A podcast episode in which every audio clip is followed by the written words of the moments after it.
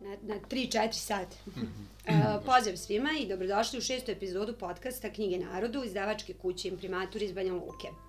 Moje ime je Ana Mitrovski, ja ću biti vaš vodič kroz svit knjiga koji ćemo istraživati u okviru ovog podcasta. Danas razgovaramo sa Ninoslavom Mitrovićem, autorom horor romana Crni pupoljak, koji je imprimatur izdao 2019. godine, ali romana Vrapci u Oluji, koji upravo ovih dana izlazi iz štampe ili je već izašao. Ali to, to ćemo saznati. Ninoslav je napisao izbirku horor priča Guvo doba koji je samostalno objavio prije deseta godina, a nju imprimatur planira ponovo da objavi naredne godine. Dobar dan Ninoslave, kako si? E, dobar dan tebi, dobro sam i hvala na pozivu. Također pozdrav svim slušalcima podcasta. Ko, koji se, e, nadam se da će ih biti sve više i više. I ja sam nadam. Uh, Ninoslave, ovaj, uh, Ono što mi je prva stvar bila zanimljiva, prije da krenemo na, na priču o tvojim knjigama, jeste to da si ti po struci etnolog i informatičar.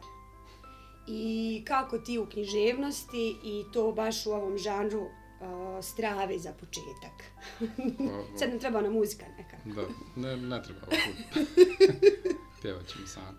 Ovaj, pa kao etnolog to je eto sad će biti 20. godišnja kako sam ja diplomirao tu etnologiju, odnosno geografiju i etnologiju, pošto tako je bilo poznata te tri godine na Prirodno-matematičkom fakultetu u Banja Luci.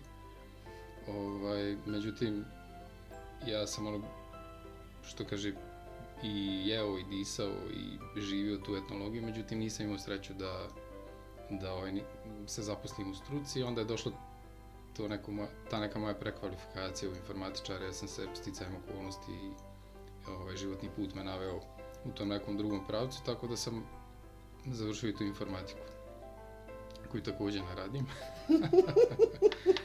ovaj, a na kraju to pisanje, pisanje nekako bilo, ovaj, uvijek sam imao taj neki talent. U stvari imao sam više talenata koji sam ja nekako uvijek uzimao zdravo za gotovo.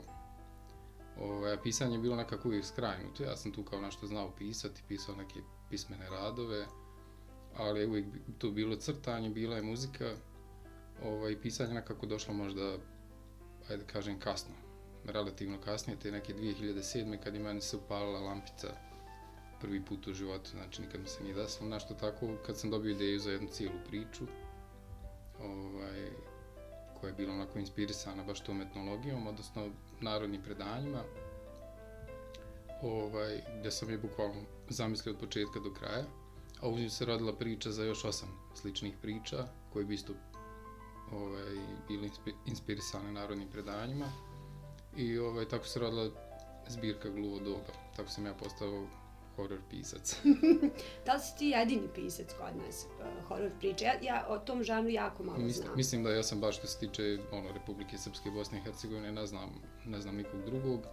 Mislim da čak i na ono, prostor bivše Jugoslavije, mislim da se autori koji su na ovaj ili onaj način došli u dodir s hororom, mislim da se mogu nabrojati na prste dvije ruke. Možda ni toliko. Da. toliko, možda, možda samo jedno. Uh, s obzirom, voljela bi samo malo da se vratimo na ovu prvu tvoju birku Gluvo doba, koja zapravo obiluje predanjima, kao što si sam rekao.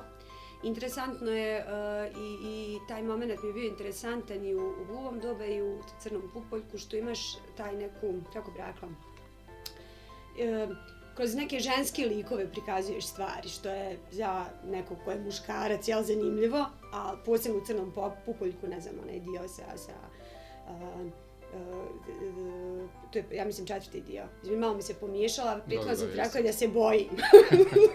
da sam se pre... pa potiskujem knjige. U ovom slučaju je to kompliment. Ovaj, zapravo, kroz tu trudnoću uh, ženinu i ti sve stvari, to samo znaju žene. To mi je bilo baš super stvar kod tebe.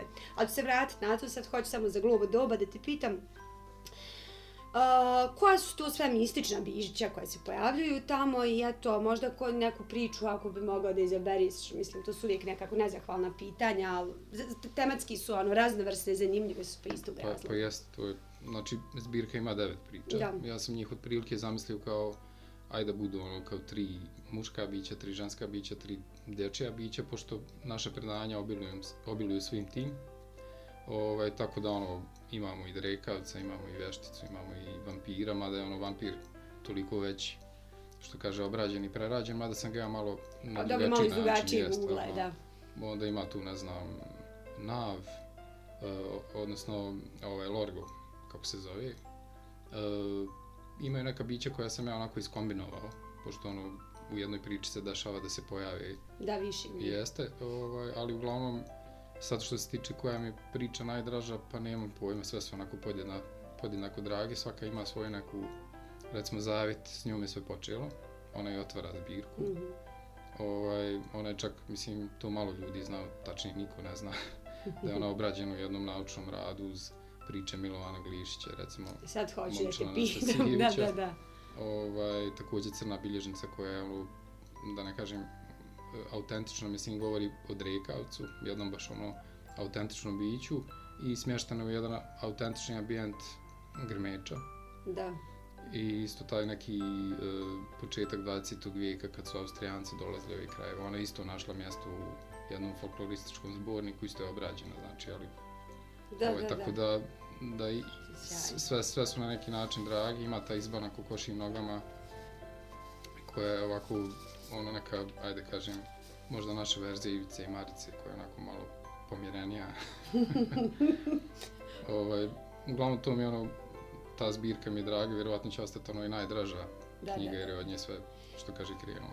Pardon, nakon nekih koliko, zapravo 2019. objavio onda Crni pupoljak, Jeste, da? sedam godina je prošlo, Da. s tim što sam ja imao neke izlete na, na Amazon, odnosno na njihovu Kindle Direct Publishing platformu, gdje sam nešto pokušavao da ovaj, objavim i objavio sam jedan roman, naučno-fantastični horor na engleskom. O- Stvarno? Da, Taj da. podatak ne znam. Inspirisan, pa ne zna niko da to je evo sad ekskluziva. Ekskluziva, kao pripremite se. Ovaj, pošto sam nešto kao, valjda, kako taj gluvo doba nije došlo baš do puno čitalaca. Jeste, došlo je ono više kao, ali ostala nekako obskurna knjiga, što je meni bilo jako žao. I prošlo je neko vrijeme kad sam ja počeo da se preispitujem uh, Da li kad, to kad su naši izdavači u suštini zatvorili vrata ovaj, neafirmisanim au- autorima i kad je bilo jako teško objaviti knjigu. I onda sam ja pokušao nešto na Amazonu i objavio tu jednu knjigu i bila ideja između ostalog da tu ide još knjiga, između ostalog i Crni pupoljak je bio tu negdje na pola.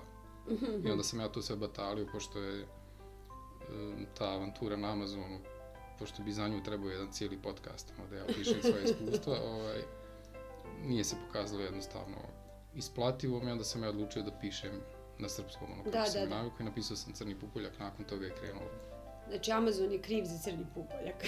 Pa, ono, djelomično. Ne, mislim, to je bilo, eto, čisto, sve, sve čovjek u životu treba probati. sigurno, sigurno, ali to je Ovaj. zanimljivo, da. Ta platforma Amazon u, u suštini funkcioniše kako? E, objavite sami na engleskom jeziku. Onda se da li to bude neka uplata, bude nešto ili to Ne, ne, ne, prosto to je, samo... o, vi stavite cijenu, oni vama uplaćuju, mislim, to su neki, ono, ja sam recimo svoju knjigu stavio na 2 dolara 99, može biti ono od 0,99 pa naviše, dobijate neki procenat na koji isto plaćate porez, tako da dobijete neku siću. I sad oni imaju te ovaj, mogućnosti promocije, recimo da vam u toku 90 dana omoguće, ne znam, 5 dana da vaša knjiga bude besplatna, najbolje je više ljudi skinulo kad je besplatna i onda oni Da, da, da, da. Međutim, postoji tu caka, ovaj, kad ste u toj besplatnoj kategoriji, ja sam recimo dogurao skoro do top 10 horora kad sam bio u toj besplatnoj Mhm. promociji. Međutim, kad se ta promocija završi, vi se ponovo vraćate na ono 13.000 i neki, nema vas, znači ne Aha, plaćam. da, da, da. I onda to faktički Gubiš se sa liste te neki, neki, neki njihove... tu knjigu je skinulo hiljadu ljudi, znači, kad je bila besplatna, ono, kupilo je mnogo, mnogo manje.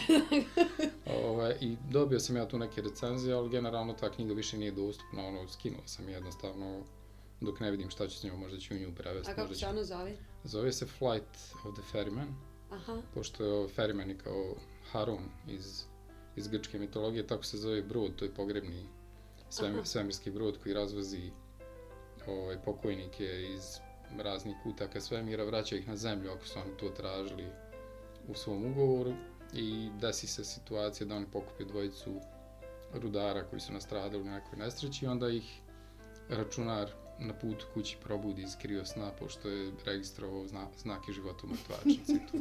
Genijalno. Zvuči dobro.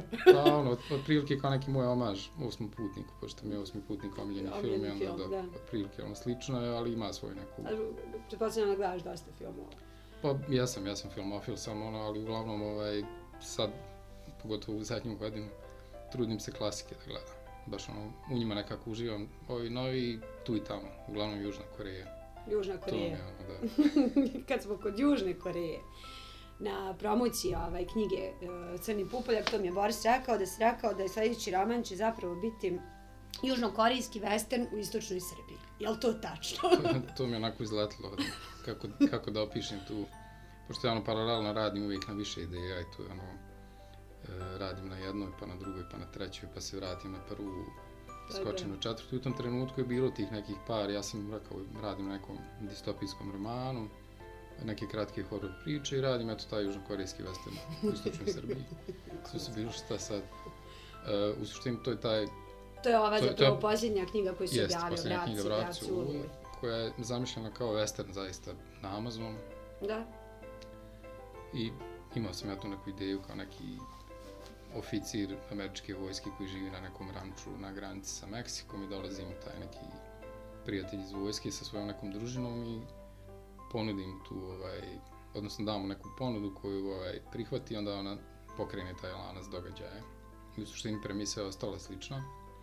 E, samo što sam ja, kako sam odustao od Amazona, odlučio da ideja mi se učinila dobra, i da je čisto ne prokockam, nego samo da premestim radnju na granicu Srbije i Bugarske. Zaječar, jel da, tamo E, Knjaževac, ta, kako jest se knjiga Knjaževac, Buljevac, Zaječar, znači taj kao neki trougao. Ovaj, I tako da je to ostao faktički, mislim, zamisao iz Westerna, nije, nije, knjiga nije Western, isto kao što nije ni, ni Južnokorejska. Južnokorejska je ovaj, čisto zbog tog jednog od glavnih motiva u knjizi, a to je osveta. Osveta, da, da.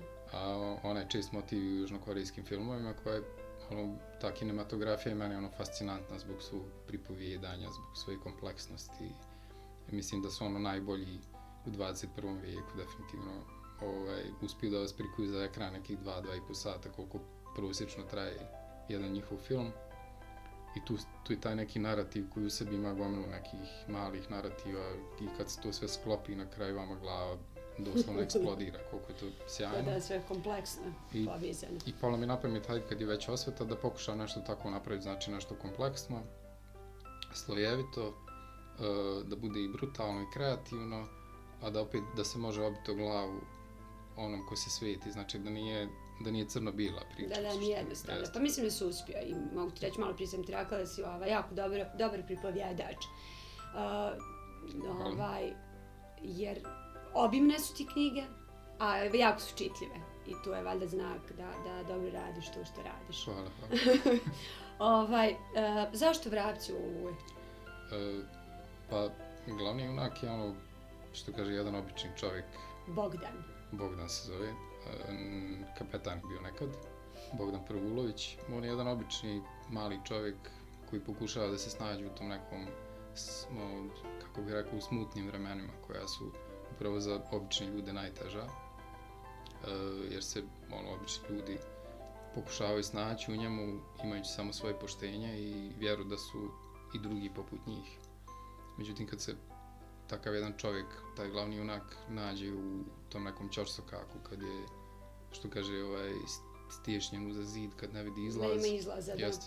Uh, on će prihvatiti ponudu kogod mu pruži ruku, bilo to od Boga ili od djavola. Znači, i... Ali ovaj na grabuši je bio On, dobar. pa on, on prihvat, nećemo otkrivati, da, čitavacima, ali ono, on prihvata tu ponudu koja ono, mijenja sve. Da. Znači, bukvalno pokreće tu lavinu događaja, odnosno tu oluju iz naslova, koja hvata i njega i sve te likove s kojima je on, što kaže, sudbinski povezan, hvata ih u taj neki vrtlog.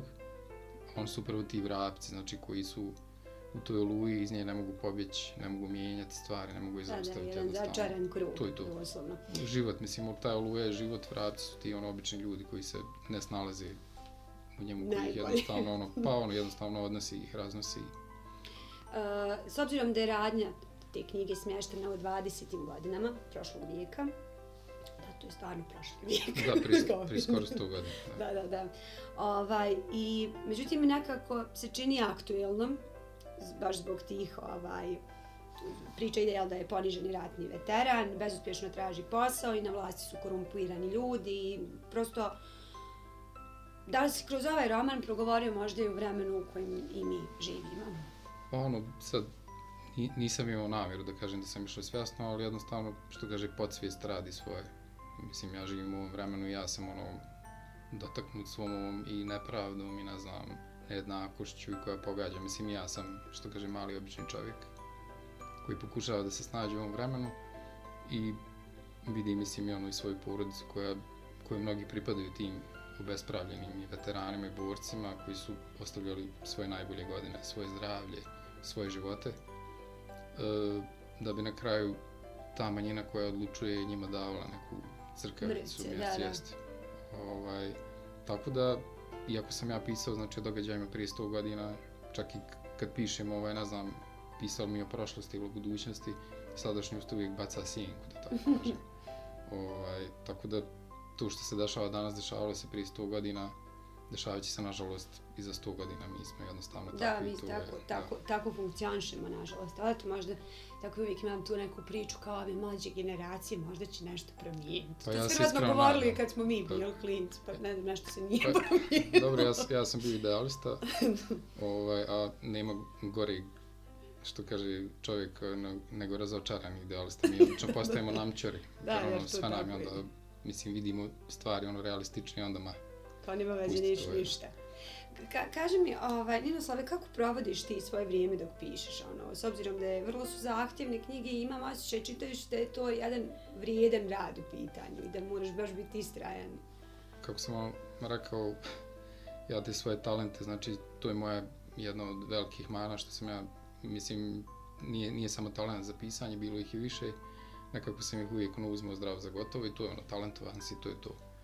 Međutim, ni, nije istina rad iza toga, koliko god to zvučalo sad kao neki kliše i kao nešto, a mi to znamo, ne znate, znači stvarno je rad u pitanju. I imao sam problem s tim, recimo, gluvo doba je nastajalo onako kao neki moj, taj, da kažem, lični projekat i polako od 2007. negdje do, do 2011. Ove, međutim, onda sam slučajno, kad sam već počeo malo da se bavim tim Amazonom i tim self-publishingom, kako bi se nazvalo, e, čitao sam i te neke ljude koji su tu već objavljivali, koji imaju te neke savjete i jedan nije, nije on neki poznat pisac, ali eto kao ima iza sebe nekih knjiga objavljenih da. na Amazonu i on je rekao kao ja pišem kao ne manje od 500 riječi dnevno. 500 hm. riječi kao što se može ispoštovati u sat vremena, dva, čak i kad radite neki drugi posao, meni se činilo ono kao sasvim ono, dostižno i nekako normalan savjet. Jasno ima, znači ono, moraš dostići hiljadu riječi, moraš se isfrustirati da to bude dvije hiljade riječi, da to bude dvije strane, 20 strana, nego 500 riječi. I ja sam tako pisao Crni Pupoljak. On je bio gotov za 3-4 mjeseca. Stvarno? pa brzo Svaki dan. Da. Ali to je svaki dan rad, znači 500 riječi. E, naravno, tu je bilo i hiljadu riječi, ali ne, ne ispod 500 kad nisam raspoložen, ostavim. A to je uglavnom bilo taj neki period zavisi, tad sam radio, pa sam uglavnom radio nekim kasnim časovima, kad ovaj, vrapce, vrapce u Luvi sam, nezaposlen sam od prošle godine, tako da sam imao vremena, da, onda kad da, sam najbistri ujutru, da. jest, kad sjedem za računar i, ovaj, ali hoću da kažem da bitno je samo ispoštovati svaki dan i stati u nekom pravom trenutku da nastavite razmišljati o sceni. Mene se ta scena i dalje vrti, ja ću gledat neki film, slušat ću muziku, ne znam, čitat ću nešto, ali u glavi uvijek ta scena i ja sutra se fino vraćam na nju i već sam razradio neki, neki logičan nastavak gdje sam stao prethodnog dana. Naravno, za ta 3-4 mjeseca vi završite, možda se kaže, prva verzija, taj draft, koji treba ispravljati. Recimo, ja sam Crni pupoljak ostavio na nekoliko mjeseci. Mm -hmm. ono, Kao odmah da imaš, ne, da. Neću da ga gledam i u među vremenu sam počeo pisati ovo što, što je danas, što su danas vrapci u Luji. Tako da se možda dijelić stila preliju sad i na ovaj roman, bar u prvom dijelu. Pa, Pa ja nisam stekla takav utisak iskreno. Nekako su mi žanovski potpuno različiti. Jesu, jesu. I uh, da, tvoj stil pisanja vidi se da si ti pisao, da je da ista osoba pisala, ali kako se odlučuje na taj neki odmak, jer i prvi i drugi roman su ti ono, zapravo Da. roman strave, ali da se tako to Pa. naziva. A ovo je opet jedna druga priča. Sad da, da ne zvučim ono pogrešno ili sebično, ja, ja pišem ono što bih volio da čitam. da ne kažemo sad i, i pi, piše za sebe, nego jednostavno e, to je sticajem okolnosti horor, koga, koji mene omiljeni žanra, koga nema puno u domaćoj književnosti, što je isto Pa mene, mene veoma žao što nema drugih pisaca, jer bih volio njih da čitam. Međutim, ovaj horor nije jedino. Ono, imam ja tu dosta nekih ideja, kažem, počeo sam raditi na tom nekom distopijskom, odnosno ne nije distopijski, više kafkijanski roman. Imam isto neku ovaj, satiru, isto je kao ne, smještena u neku kao neodređenu budućnost. Znači nije samo horor, ali to horor ipak prevlađuje. I ovo je znači bila ideja za taj kao western, zato što na Amazon, tad sam bio u fazi Da, da. gledanja nekih, odnosno ono što se zove anti-western, znači tačno povodne filmovi Da, da, Sama da, da. Peckinpah, Sergio Leona. I na Amazonu sam vidio da u toj kategoriji nema westerna, Kao već, zašto da već ne? su samo neki ljubavni filmovi, ono tipa na srednjem, no, bože, ljubavne knjige na srednjem zapadu. Da, da, znači da. oni jesu westerni, ali nisu westerni. Ali nisu western. I tako je počelo, ajde zašto ne bi napisao, međutim, eto, ode tu u drugom pravcu potpuno. Mislim da je dobar Mislim, pravac. da, da kažem, ovaj, tu isto da napomenem ovaj čitavcima budućim, iako ovo nije horor roman per se, nije baš ni, ni vedro štivo, znači u Ravci u Luji. Daleko On, od jeste, uzbu, on štiva. uzbudljiv, jest, uzbudljiv je ovaj, od početka do kraja, ali ovaj, i brutalan i potresan, bit će ono dijelova koji neće biti laki Da, za čitanje. On da. nema, recimo, nema tu neku nadprirodnu stravu, nema neki kosmički užas, ali govori opet o, O jednim, jednim o, naj, o najvećem da. monstrumu, to je ljudska priroda. Ljudska priroda. A ima i scene ovaj, uh, erotike, tako da ko voli... Pa dobro, tu, tu smo uvijek ono kao, zašto ne pišeš nešto tako, ima jedan, jedan dio. Jedan dio. dobro. E, u romanu mi se dopala e, takođe e, tvoji opisi koji su onako e, vrlo lirični za roman poput e, westerna, jel? Gdje ti ne očekuješ zapravo te neke opise prirode, opise njegovog razmišljanja, načina koji komunicira on sa drugim ljudima. E, to mi je bilo onako, čak sam me malo posjetio, ja jako volim Crnjanskog i volim Seobe. I Seobe su mi ono najbolji roman ikad. Roman o Londonu i Seobe. I onda sam imao i tu taj jedan dio koji mi je bio onako jako interesantan, jer to nisam primijetila u ova dva prethodna. Ova mu se nekako čista forma, rečenica, sve tečno, jasno, strašno, puno strašno.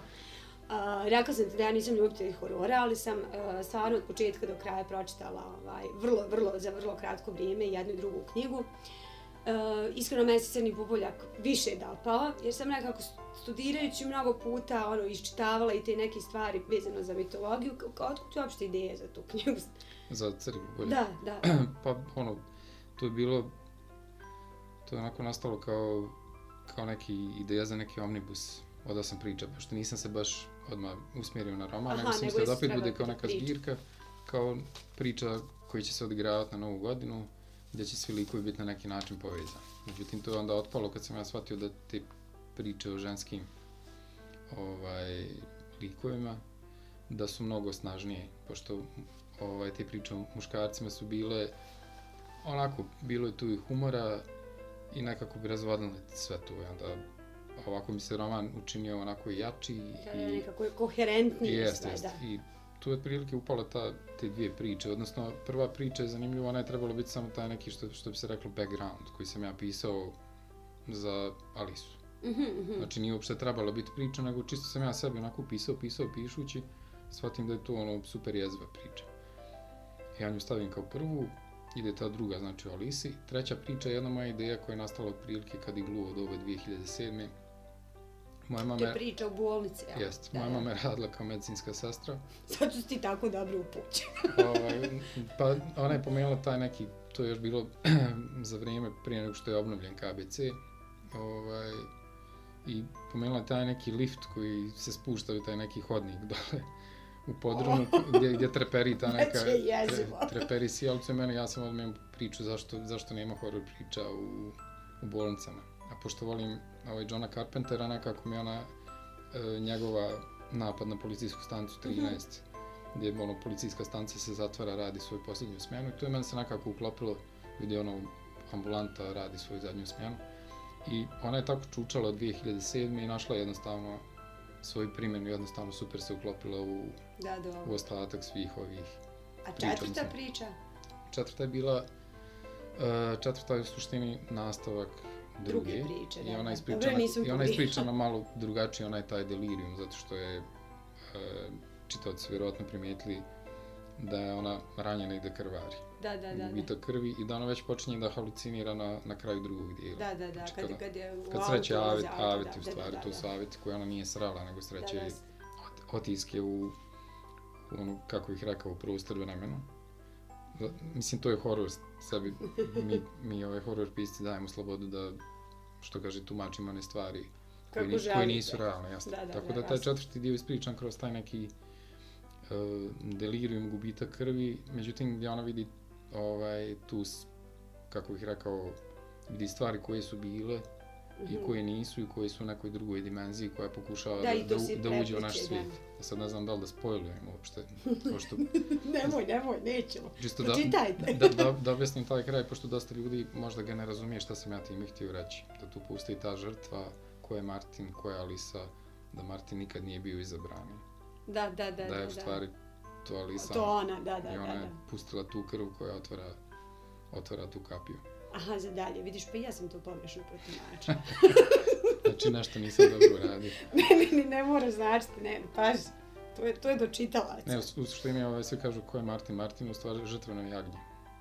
Aha, On je samo tako da, da, da, odgajan, da, jer, samo... jer glavna uh, antagonistkinja je u stvari Mokoša. Ja nisam imenovao, znači nisam rekao da je to Mokoša, ali ona je u suštini, ona se pojavljuje u mojoj zbirci Gluvo doba u toj priči iz Bana Kokošinja. Aha, aha. I ona je ta, ona je meni fascinantna zato što se u slavenskoj mitologiji pominje. Ona se nekako i najmanje zna o njoj, jel da, kako E, sam ja dobro pa, upućena jest, o Mokoši. jeste, Ona je žensko biće koje kao I ona štiti žene, a mrzi muškarci, jel tako? Ne, ne, ne, Ne. On, ona je više, ona ima tu neku čud, čudnu, totalnu dualističku prirodu, negdje totalno ono kao e, štiti žene, brani, s, s druge strane ono kao neki demon Aha, izgrađen od, ne znam, dijelova, kako, kako bih rekao, životinskih tijela, koja krade djecu, koja isto tako ono, zahtjeva žrtvu, znači baš je ono dualistična, ne, nema ovaj, negdje je negdje je okej, negdje nije. I meni je to bilo fascinantno, vidiš zašto, kako se ona pretvorila odjednom od, od prelijepe, ne znam, boginje, koja je prva, mislim, ono, koja je malte ne u nekim legendama i ja sam i tu, tu je stavljan kao Perunovu ženu. da. Ovaj, I otkud ona odjednom da se pretvorila u tog demona. I tako i u mom romanu Crni Popoljak, ja nju ne imenujem, ali ona je u stvari uzela ljudski oblik, oblik senke, Da. u kojoj obitava onako nekako demon, Čudno, da, da, demonski, znači nije, nije, nije, ovaj, nije, nije to što kaže pravo ljudsko biće, dok onda ne izgubi taj svoj oblik u tom požaru i onda postaje to nešto više, Da, više da, da, demonsko nego jeste. Čudnog oblika, Jeste. da, da, da. Dobro, zbunio smo se sad da- malo. Da li sam uopšte to dobro iščitala. A, spomenuli smo taj dio, to na početku, moram da se vratim, a, da to su zapravo kao četiri jake ženske priče. I ti si naveo u jednom momentu, a, rekao si da su to, da su zapravo si bilo, htio si da vidiš tim svojim pisanjem, da možeš da se staviš u ženske cipele. Jel misliš da si uspio? Koliko si zadovoljan? E, pa dobio sam komplimenata da jesam.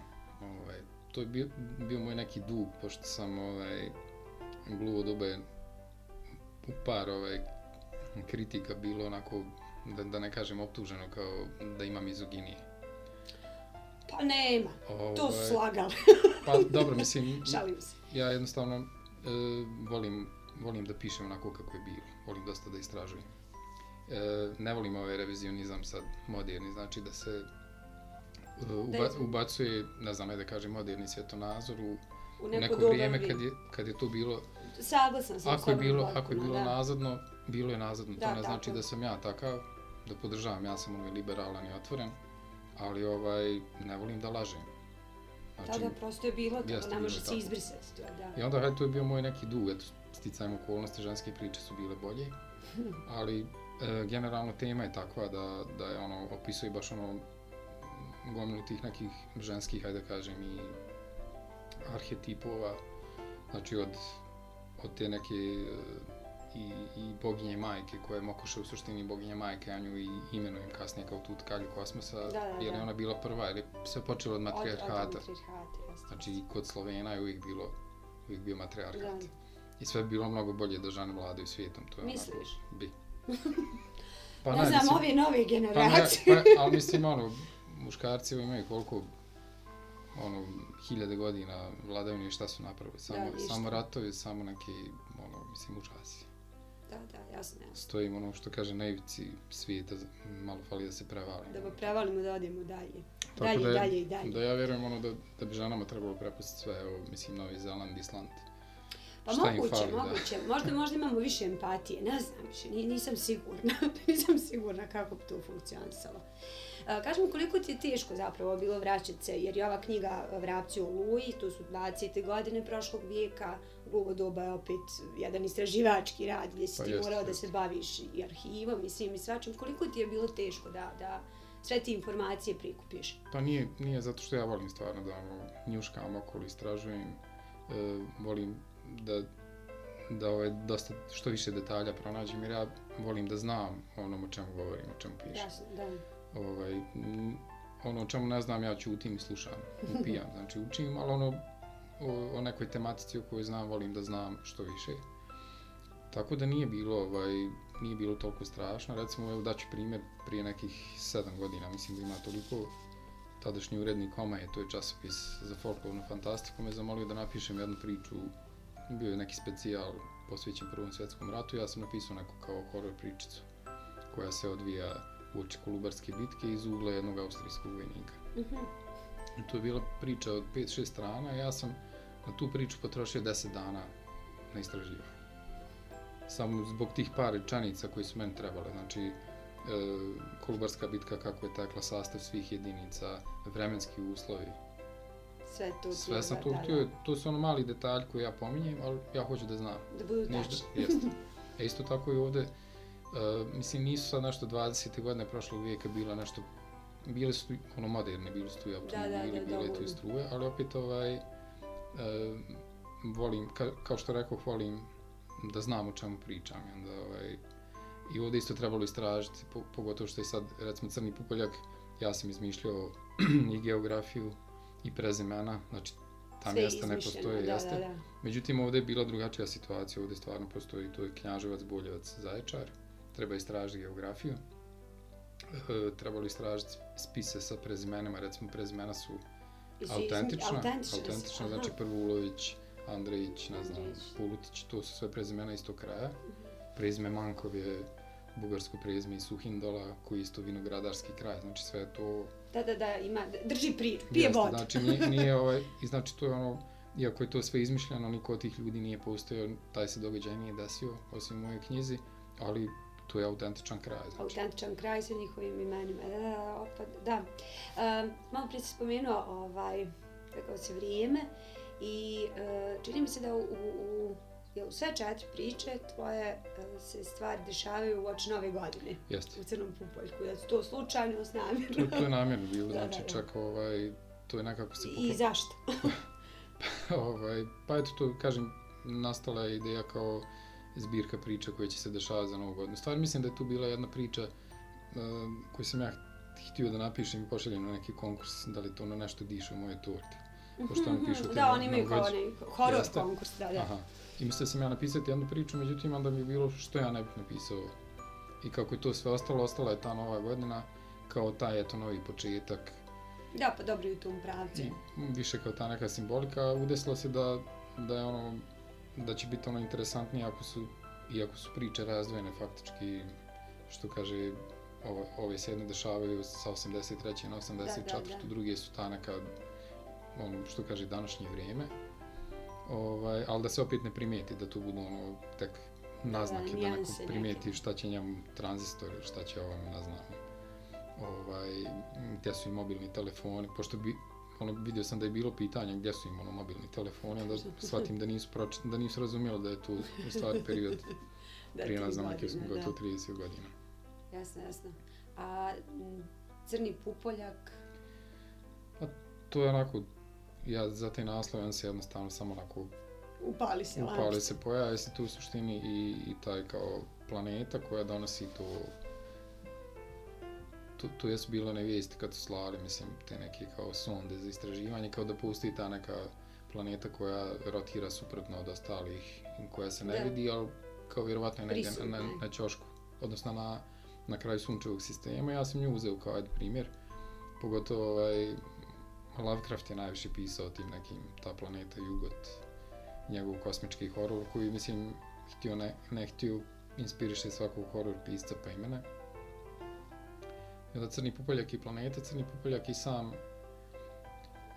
samo to dvoje djece, znači Alisa i, I Martin. i Martin jeste ta veza Alise i ovaj, kako bih rekao, Angele, Da, da, da. ovaj, tako da, odnosno Anđele, ovaj, znači ima tu onako neka, neka više značnost, ali uglavnom se odnosi na tu, kao, na tu promjenu. Na promjenu. Koja nastaje. Da, da, da. Ovaj, tako da, otprilike to je to. Slično kao i o Vrapcu, i tu isto bila jedna rečenica koju sam ja izbacio iz teksta, ali mi je poslužila kao naslov, jer se uklopila, jer je to to likovi koji su ovaj, pisuju pravo njihove, njihove, sudbine, jasno. A, a, k- kaži mi, s obzirom da si filmofil, a, k- koji onako film baš ostavi utisak na tebe i šta čitaš u posljednje vrijeme? A da nisi ti pisao. da nisam, pa dobro, ja ne čitam svoje, ovaj, pošto ja, ja jednom kad ostavim knjigu, baš ono, to je to. to, ali to je valjda, to je valjda problem sa svim umjetnicima kad odradi nešto, onda ne voli da, Da se vraćaju. Jeste, eto. ono idemo dalje. Pa ovaj, film koji na mene ostaje utisak generalno je, kao što rekao, Osmi putnik. To je, mislim, savršanstvo, znači film koji je snimljen, eto, 79. a koji je toliko modern u tom svom nekom retrofuturizmu. E, I njega ono mogu reprizirati, ono, što kaže, do beskonačnosti. Pored njega tu je Noć veštica, to mi je omljeni horror film. Stvarno. Jest, pošto njega sam pogledao tamo negdje kao klinac, mislim da smo bili na moru u Vodicama i onako roditelji su nam otišli ono kao izlazak, nas ostavili ono, bila je to nekakav vikendica, ona došla na kuća, ne sjećam se, mi smo pored onog malog crno-bijelog TV-a, tamo je počinio ciklus horror filmova, bio je petak i noć veštica i onako gledali smo zalijepljeni za ekran, napolju mrak, otvoreno, sve otvoreno i prozori i vrata, kao da smo tu, kao da smo u tom nasilju, u tom Haddonfieldu. I meni dan danas kad pogledam Noć veštica, ja se vratim u tu noć i nijedan film nije, ne ostavlja takav utisak.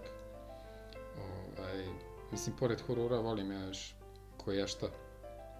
Eto, volim tu južnokorejsku kinematografiju, tu ima zaista sjajnih filmova, preporučujem toplo svima. A što se čitanja tiče, pa u zadnje vrijeme gledam da bude što lakše. da me ne opterećuje, pošto ono, stvarnost ovaj, svakodnevnica nam je ono dovoljno opterećujuća, onda gledam da bježim čak i u neki pulp. ovaj, ali gledam da pratim recimo šta radi horror autori na zapadu, jer oni su ipak ono, relevantni tamo, tamo horror žanr opstaje i ima i svoje kupce i Da, da, i konzumente. tekako, da. Tako da ono, čitam te uglavnom autori z- s engleskog govornog područja, jer engleski je jedini strani koji poznajem, strani jezik.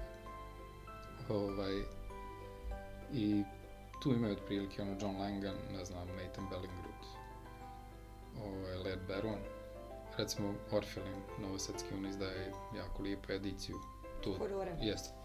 Tu što prevodi, znači što klasike, što neke moderne autori, tu se trudim da ispratim. Ima recimo fina knjiga, ovaj, tu je jedan od mojih omiljenih autora, T.D. Klein, njega je Orphelin objavio, Mračni bogovi se zove zbirka. Ovaj, a također pri par mjeseci su objavili uh, poljskog autora Stefan Grabinski, Mračni predel, isto ono, oduševljen sam i pričam, ali valjda je to taj ono slovenski senzibilitet koji meni Da, više da, leži. Ti spomenula da, da. Crnjanskog, meni je Crnjanski omljeni pisac Eto. i Bulgakov, recimo, njih Da, da. dvojica, ono, da, da, volim. on je divan, da, Da. u svakom slučaju. Ovaj, ali tako da ono kaže horor pisaca čitaš, šta čitaš i onda ja kažem čitam slovenski pisce uglavnom. Da, da, da, jasno. Da, Volim Ćopiće, Ćopiće recimo inspiracija za gluvo dobe, jer to, to, je, to je sve, sve počelo pitanjem šta bi bilo da je kad bi Ćopić, da je Ćopić pisao horor. Da, da, bilo ja- veselo. Da. Sve o svemu. Uh, kaži mi, ovaj... Uh, da, to sam te htjela pitati. Spomenuli smo ovo vrijeme sad u kojem se... Koje su to stvari koje te stvarno ono, ljute ovdje i... Da li misliš da bi trebalo nešto mijenjati ono, u smislu da baviš se književnosti, baviš se tim nekim stvarima? Koliko kod nas uopšte postoji sluh za sve to? Pa ono, bolje da ne počinjem. Slobodno, daj se baduška. Ovaj, pa ljuti me što šta. Mene u suštini ne, ne ljuti toliko, ajde u redu, mislim, ono, kultura je stavljena na marginu generalno i kultura i umjetnost i sve te neke duhovne stvari, pošto je uh, sve pretvoreno u neku trku za materijalne. Znači, Da. za tim nekim kratkim, kratkotrajnim užicima, za nekim, ne znam, nekako izgubila se ljudskost. Nije da me to ljuti, više me rastužuje, znači kad vidim u kom se pravcu krećemo, da nemate neke solidarnosti, te neke, kao što rekoh, ljudskosti osnovne, sve ono našto pretvoreno u neki instant, instant stvari, sve mora biti odmah, sve mora biti glasno, sve mora biti ja pa ja. Ovaj, evo, mislim, nalazimo se sad u gro, groznom vremenu gdje ono, nismo samo mi, palo je cijelo čovečanstvo, ja mislim, na ispitu, gdje svi pokazali da su ono, apsolutno, da ne kažem riječ moroni, ali ono, mislim, ne, nema nade, onda shvatite da živite među takvim ljudima, ono šta je, šta ja radim. Ali dobro, valjda će, valjda će kad sve ovo prođe, onda će se iskristalisati s kim se može biti i ono, osta, Da, to je ostaće dobra ta neka, stvar, da. ovaj, ako ništa, baš smo se posvetili ono najbližim, najdražim, znači porodici, prijateljima, imat ćemo te neke vrijednosti koje ćemo ovaj, sačuvati. A što se tiče duha, da li će to nešto napredovati, pa ne znam, boga mi. Ovdje je sve, ovaj, pf, kažem, sve, sve nešto podređeno materijalno Jasno, da. i A što misliš gdje je zapelo? Tu uvijek ono kad pričam sa, sa drugima da, i s drugim piscima prije svega, jer ovaj, nekako podcast je se opredijelio najviše za pisce. Uh, uh, I onda smo razgovarali hiljadu puta o tome kao svi mapiramo šta se dešava, sve je strašno, ali kao nikako naći način da se to promijeni. A opet ja smatram da ima dovoljno ljudi koji bi mogli neku promjenu da urade.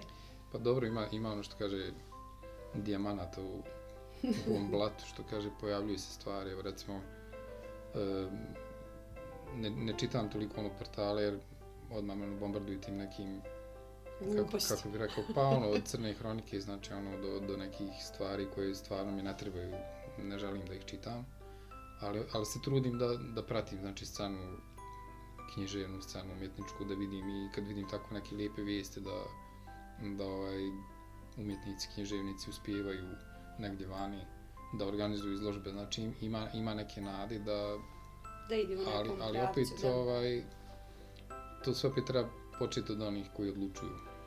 Jasno, jasno. Njima nekako se treba uvući pod kožu, njima treba nekako ovaj,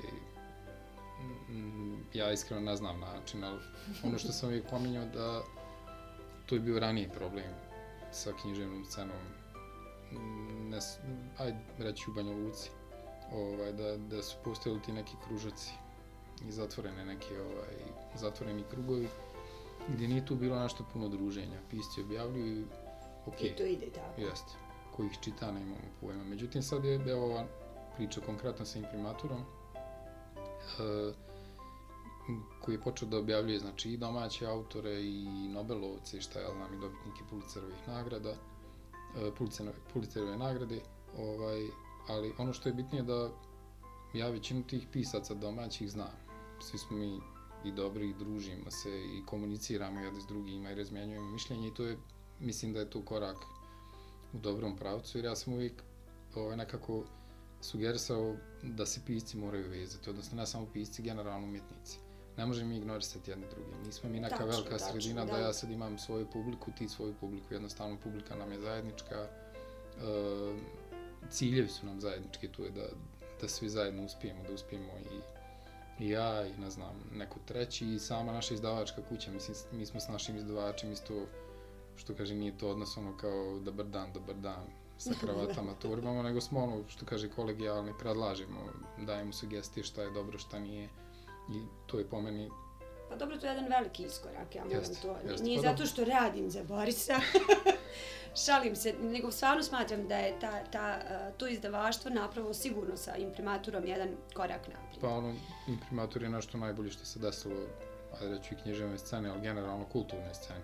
Jeste, jeste. Jer samo što ljudi još ne shvataju Da, da. se. Ja sam bo- bojim da ne postane kasno, ali nadam se da neće, da će ljudi shvatiti da imaju jednu, jednog ozbiljnog izdavača ovaj, koji ne promoviše samo eto neka komercijalna izdanja, nego trudi se da, da nama da šansu. Mislim, ko bi mene čitao Da, da, da, da, A, jasno. ovaj, ali onda kad čujete reakciju publike i kad mene ljudi nahvale i, i onda shvatim, jer ja puno sumnjam u sebe, tu je, tu je ta neka moja ružna osobina. I međutim kad mi kažu ljudi to je dobro, to je to što ti radiš je super kad prepoznaju taj, ne znam, moj stil, šta sam htio da kažem, meni je- ne- nema ništa ljepše od toga. Ne treba sigurno da sumnjaš u sebe. Zaista. To, to mislim. Nijedne sekunde. Šta je sljedeće što ćeš raditi? A, sljedeće, pa, kako rekoh, ja uvijek ono skačem s ideje na ideju. Bio sam počeo rad na toj kafkijanskoj, kafkijanskom romanu. Međutim, e, nisam bio zadovoljan, pošto mislim da trenutak nije, nije da se odrazim kako treba, kako mislim da bi to trebalo da izgleda na kraju. Pa počeo sam isto neku horror misteriju, onako nešto ko voli Twin Peaks, onako mislim da bi mi se Ja dopalo ovaj, ima tu ono, i i nekih različitih mitologija i paralelnih svjetova i kvantne mehanike, ali previše sam se zapetljio i treba, treba istraživanje. Tako da sam i to malo gurnuo po strani i gle čuda krenuo sam pisati epsku fantastiku koju ne, ne volim baš nešto previše osim Tolkiena i Martina. Ovaj, I evo, radim na tome već neki dva, dva i po mjeseca, imam nekih desetak poglavlja. To Pošto sam to dugo izbjegavao, da, da. to je isto stara ideja, ali sam dugo izbjegavao jer je to ono baš vremenski Zahtjevno? Minimum dvije godine da, da bi ona, kao neka prva verzija, bar te neke trilogije koju ja planiram, što kaže Uradio. ugledalo sve. Jer, jer, jer ne bih ono, da napišem jednu, pa da onda čitavci čekaju na drugu, nego baš ono da, da to bude sve spremno, a ne ono, napišem tri, onda ovaj, pustim čitavce da pate za četvrtim dok ja uživam tamo u parama koje mi je dao HBO. Držim ti fige da se to stvarno, o, da se ostvari, da ideš na HBO odmah. Uh, ja bih ovdje polako završavala. Uh, ne znam da li smo sve prešli. Vjerujem da jesmo. Pa, ako ovaj, nismo, Biće pra, drugi pravit dio. ćemo novi, jeste. ako- Biće drugi dio nastavaka. Slušalci budu htjeli i čitavci, ovaj, naravno. Ja ovaj, bih ovaj, toplo preporučila i e, tvoje horor romane, posebno Vrapce u Oluji, koji je novi roman i koji je objavljen jel, nedavno. On je sad u štampi, izašao je u štampi. Pa jel? jest, pojavi se sad, ono, mislim da već ide kod čitalaca i samo bih napomenuo, znači da je to, e, iako je ono, da, da, dao sam tu etiketu južnokorejski ovaj, western u istočnoj Srbiji, on je ipak domaći roman, znači to je ono, autentičan roman, izraz, ta neka atmosfera, tako da je to baš, ako i ne volite horor, ovaj će vam se dopast, mislim da ima ono, dovoljno zanimljivu radnju i taj neke zaplete i rasplete da, Ima i tekako. koji su i mene lično šokirali, jer ono, kad krenem pisati, ja ne znam, znam neku, imam neku generalnu ideju, ali međutim, ne vidim ja tu kraj, međutim, kad sam počeo pisati, onda si, ja sam bio onako, Kao vidiš što sam ovo dobro uradio. pa ne, nego ono bilo, hoće li ovo biti previše, ono. Da, da, da. Uh, ja sad ne znam s kojim svim prodajnim mjestima se nalazi knjige, vidiš to bi trebalo da pitam Borisa da bi ovo Pa izgledalo mogu, što mogu ja, bolje. prilike, bit će, Pa znači, bit će na sajtu, to je već sad, što kaže, aktuelno na, na sajtu imprimatura i standardno idu e, knjižara kulture. Mislim da su one od, što kaže, Banja Luke, Bijeljine, Tuzle, Sarajeva. Sad ne znam tačno, Boris će vjerovatno dati podatke, ali knjiga će biti, što je najvažnije, i u Srbiji, vjerujem i u Crnoj Gori, pošto distribucija imprimatura ide i tamo, tako da, Boris je svaka čast. da svaka čast. Ninoslavi, hvala ti još jednom. Vama, dragi slušalci, hvala na pažnji i nadam se da se čujemo što brže moguće i to je to. Hvala lijepo. Hvala. Prijetno.